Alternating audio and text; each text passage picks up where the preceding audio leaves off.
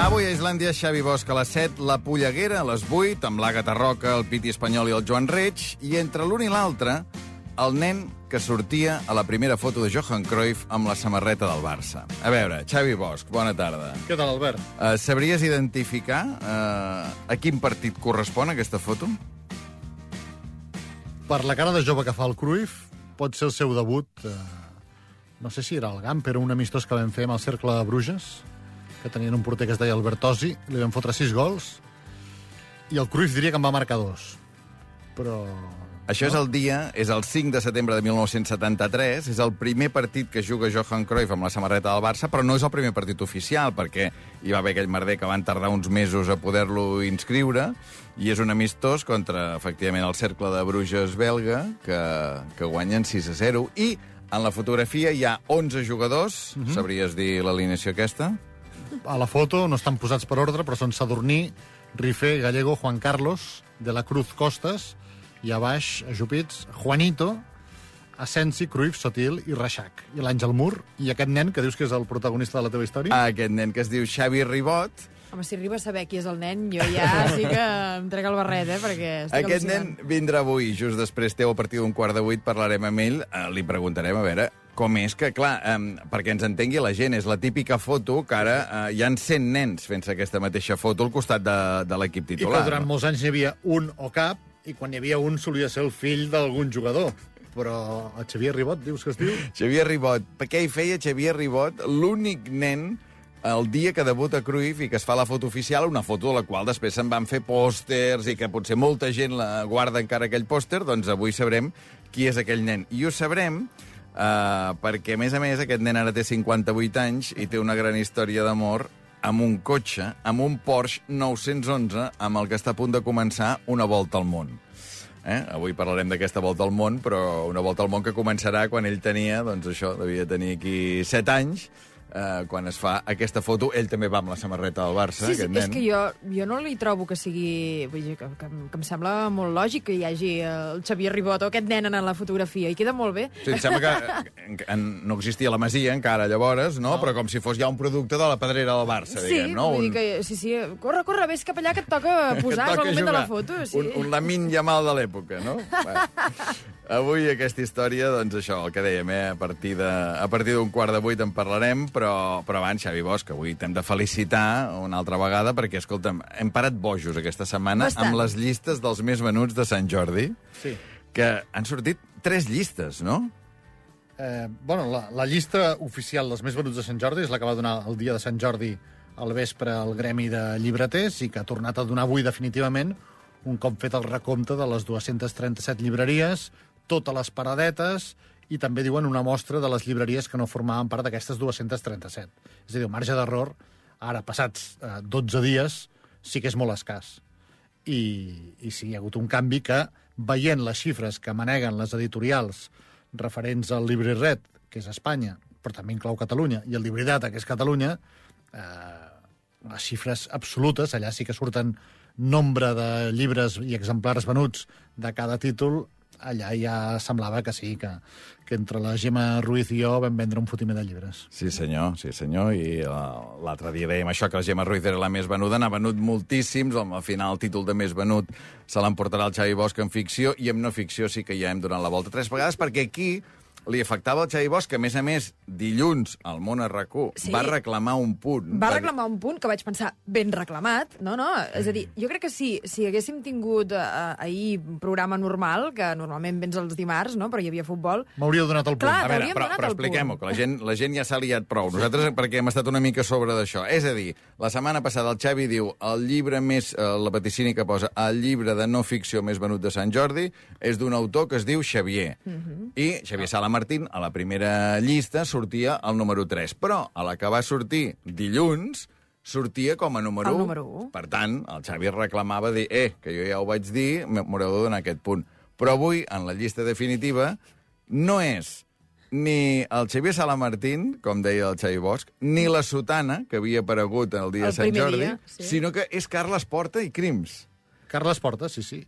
Curiosament, la portada del dia de Sant Jordi de la Vanguardia ens van convidar el Carles Porta i a mi i a l'Eva Baltasar i a, a fer-nos la fotografia amb Dolores Redondo Eh, amb, amb Juana Dolores, amb Juana Dolores, amb Pedro Almodóvar. Sí, senyor, sí, senyor. I, bueno, escolta, potser ens ha catapultat el Carles Porto i a mi la, la portada de l'avantguàrdia. En tot cas, no tens punt, no tens punt afegit, queda No. com va quedar el sobre de la setmana passada, però sí que, diguem, la felicitació més important és perquè s'han venut un 7% més de llibres que no pas l'any passat. Mai es havien venut tants llibres un dia de Sant Jordi. És a dir, mai en tota la història de la humanitat, a Catalunya, s'havien venut tants llibres com el Sant Jordi de fa 10 dies. Sí, senyor. I aquesta és la gran notícia, que se'n van vendre moltíssims, mai les llibreries havien facturat tant, i es van vendre molts títols, molts llibres diferents, de molts autors diferents, per tant, aquest és el, el gran motiu de satisfacció, que diria l'altre. I l'explicació que els escriptors eh, no escrivim contra ningú. No escrivim el Rafael Nadal uh -huh. contra la Sílvia Soler, la Gemma Ruiz contra mi, ni jo contra ella. Eh, escrivim a favor de, dels lectors i de les històries que volem explicar. Després, que cal un titular periodístic, perquè ens agrada etiquetar-ho tot, i és la nostra feina també com a periodistes fer-ho, doncs està bé que... A mi em sembla que està bé que es digui què ha passat, no? quin ha estat el, el més venut, i ho he defensat sempre. I creus que, que arran d'aquest mm, merder que hi ha hagut aquesta, aquest any pot ser que l'any que ve es decideixi mira, no hi haurà rànquing, no se sabrà Aquesta és una- venuts"? Aquesta és una polèmica, una frase, un debat que ja fa anys que se senten. Però hi ha altres debats que els repetim cada any i després tampoc es canvia res, perquè les inèrcies fa que actuïs d'una manera... No sé, no sé què passarà. Eh, jo crec que no, que està bé que hi sigui. Bé, doncs escolta'm, fet aquest aclariment, eh, tenim el sobre de vaticinis d'aquesta setmana, on ja no hi ha els més venuts de Sant Jordi, entenc, no? No, crec que no, que s'ha acabat tot Per plegat. tant, això, això s'ha acabat, l'obrirem després, però abans, com sempre, el m'ha agradat, no m'ha agradat. Borges us ofereix aquest espai.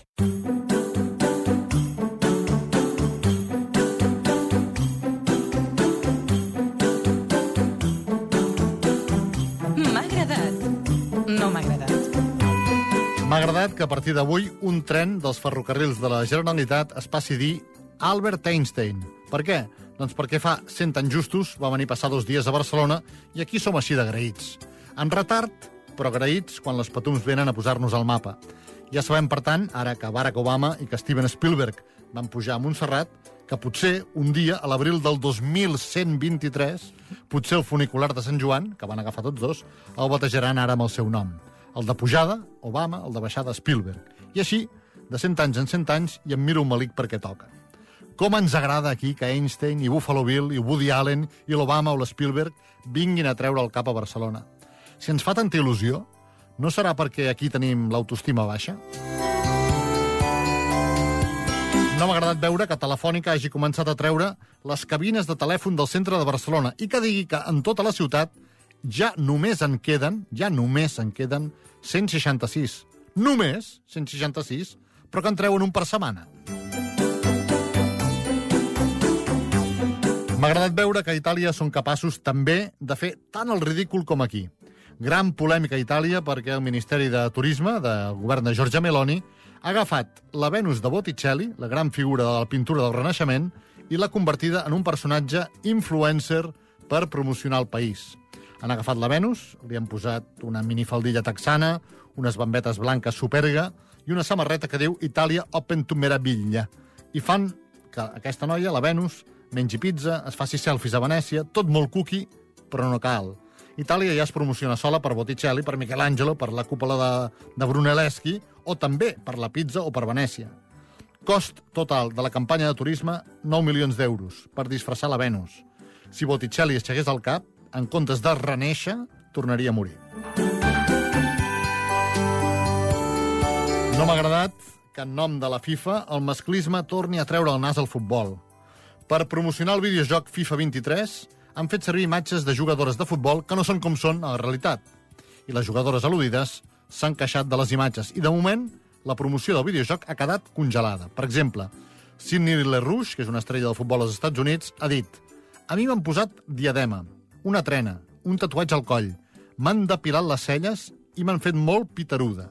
Desinfleu-me, si plau les tetes i poseu una altra talla de samarreta. Eh, no cal afegir res més. La cosificació al futbol és això, més tatudes, més senyides i més sexis al videojoc.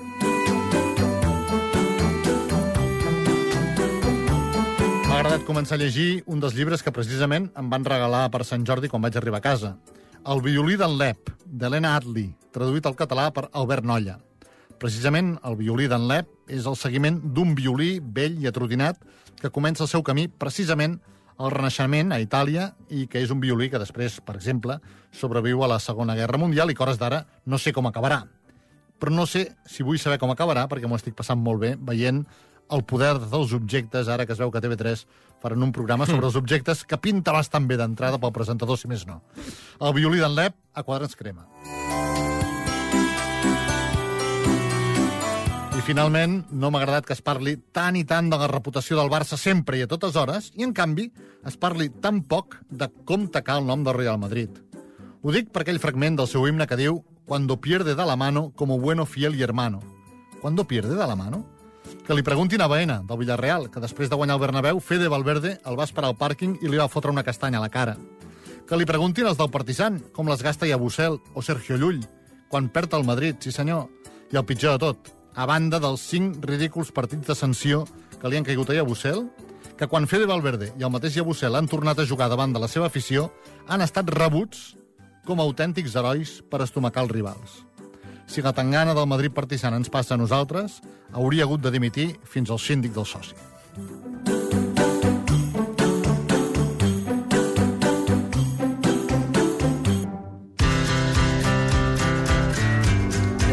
Maria? A veure, què apuntes? Microimitació, Núñez. Microimitació, M'ha semblat, Núñez. eh? M'ha Mini semblat. microimitació. Mini microimitació. Mini És que m'està donant tan poc material que ja a la mini-micro jo ja... Te l'apuntes. Ja me l'apunto, me l'apunto. Ai, Obama i Spielberg, eh? A Montserrat, eh? No s'havia dit, eh? No, no, no, no, no s'havia dit. Però, eh, clar, Però- tu dius que ens mirem el Malik amb això, però si, ja que feies la comparació ara amb la reputació del Barça i el Madrid, si, si arriben a anar a Madrid ells, el que haurien fet és al revés, és allò, anar-nos flagelant dient Han anat allà i no viu- no aquesta aquí." ciutat amb decadència, no ve ningú perquè van a Madrid... La culpa és de la Colau. Sí, sí. Ells Eh. no venen per les superilles.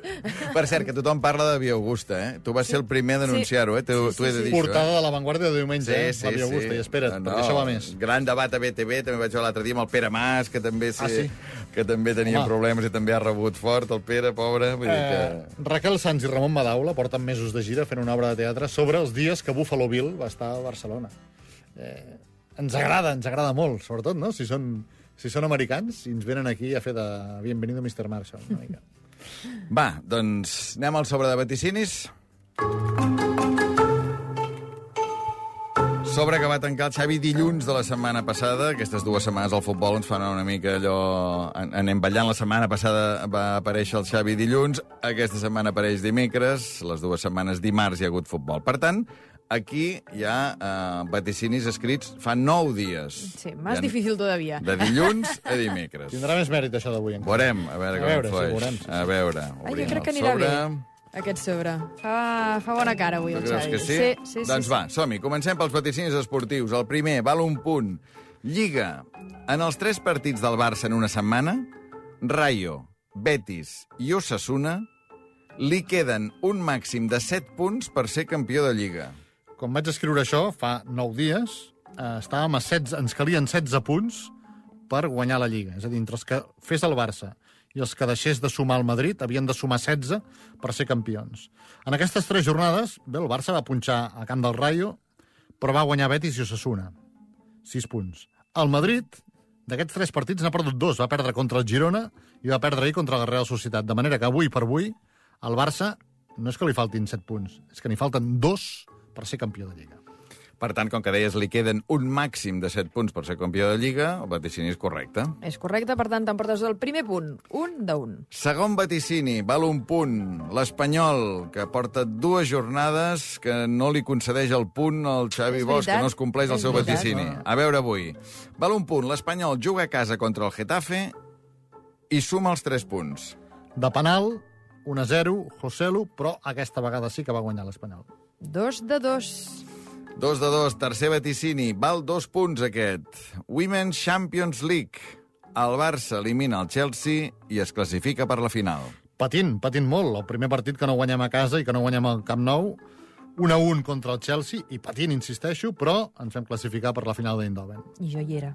4 de 4. Caram, Maria. Quart i últim vaticini esportiu, val dos punts també, Premier League. El duel decisiu entre Manchester City i Arsenal el guanya el City. El va guanyar el City, no recordo si va ser 3 a 1, 4 a 1, però sí que va guanyar el City bé i sobrat, i la mitja part ja anaven 3 a 0, em sembla. Home, tu també vas sobrat, eh? Perquè quatre vaticinis i sis de sis. 6 de 6, de moment. Eh? Ja deia jo que pintava bé. És que l'he vist amb aquesta cara de, mm, relaxada que normalment no, no li té tant. Sí, sí. Continuem. A veure, cinquè vaticini internacional. Portem un 6 de 6. A veure què passarà. Val un punt.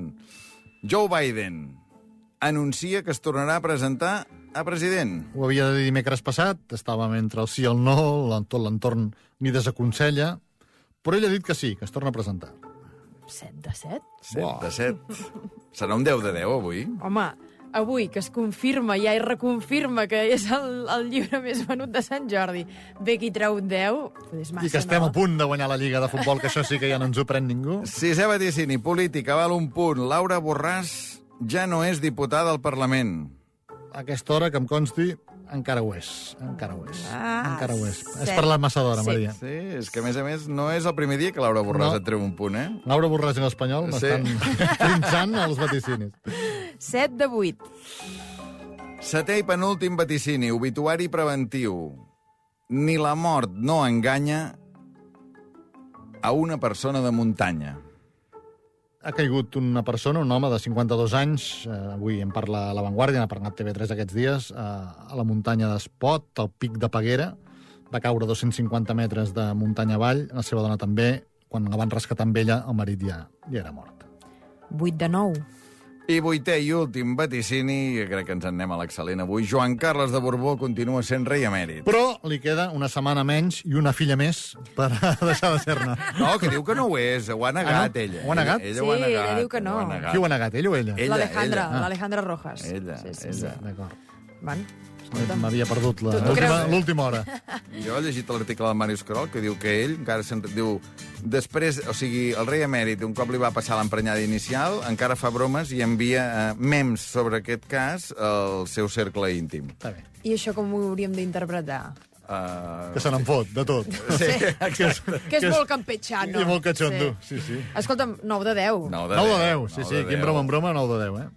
Nou de Ja deu. tocava, perquè feia moltes setmanes que feia una mica el passarell. Anàvem allà més justets, sí, amb bastants 5 de 10, allò, aprovats eh, gràcies al rei emèrit. Eh, Xavi, ara sé, no. sé que ets més de la mare, tu, però aquest dissabte recorda que hi ha la coronació de Carles III a Anglaterra. Sí, sí, estic eh, molt pendent perquè vaig entrevistar pel diari ara l'Anna Bosch, que és eh, corresponsal molts anys a Londres, Mhm. i que hi torna ara per fer la cobertura i la transmissió en directe de televisió espanyola, i per tant a casa tindrem la tele posada no sé quantes hores, de quin dia és? Dia sis. Dissabte. Dissabte. Dissabte. Doncs estarà la tele posada, però jo no ho veuré perquè tinc una, una excursió. Ja, ja us recuperaràs.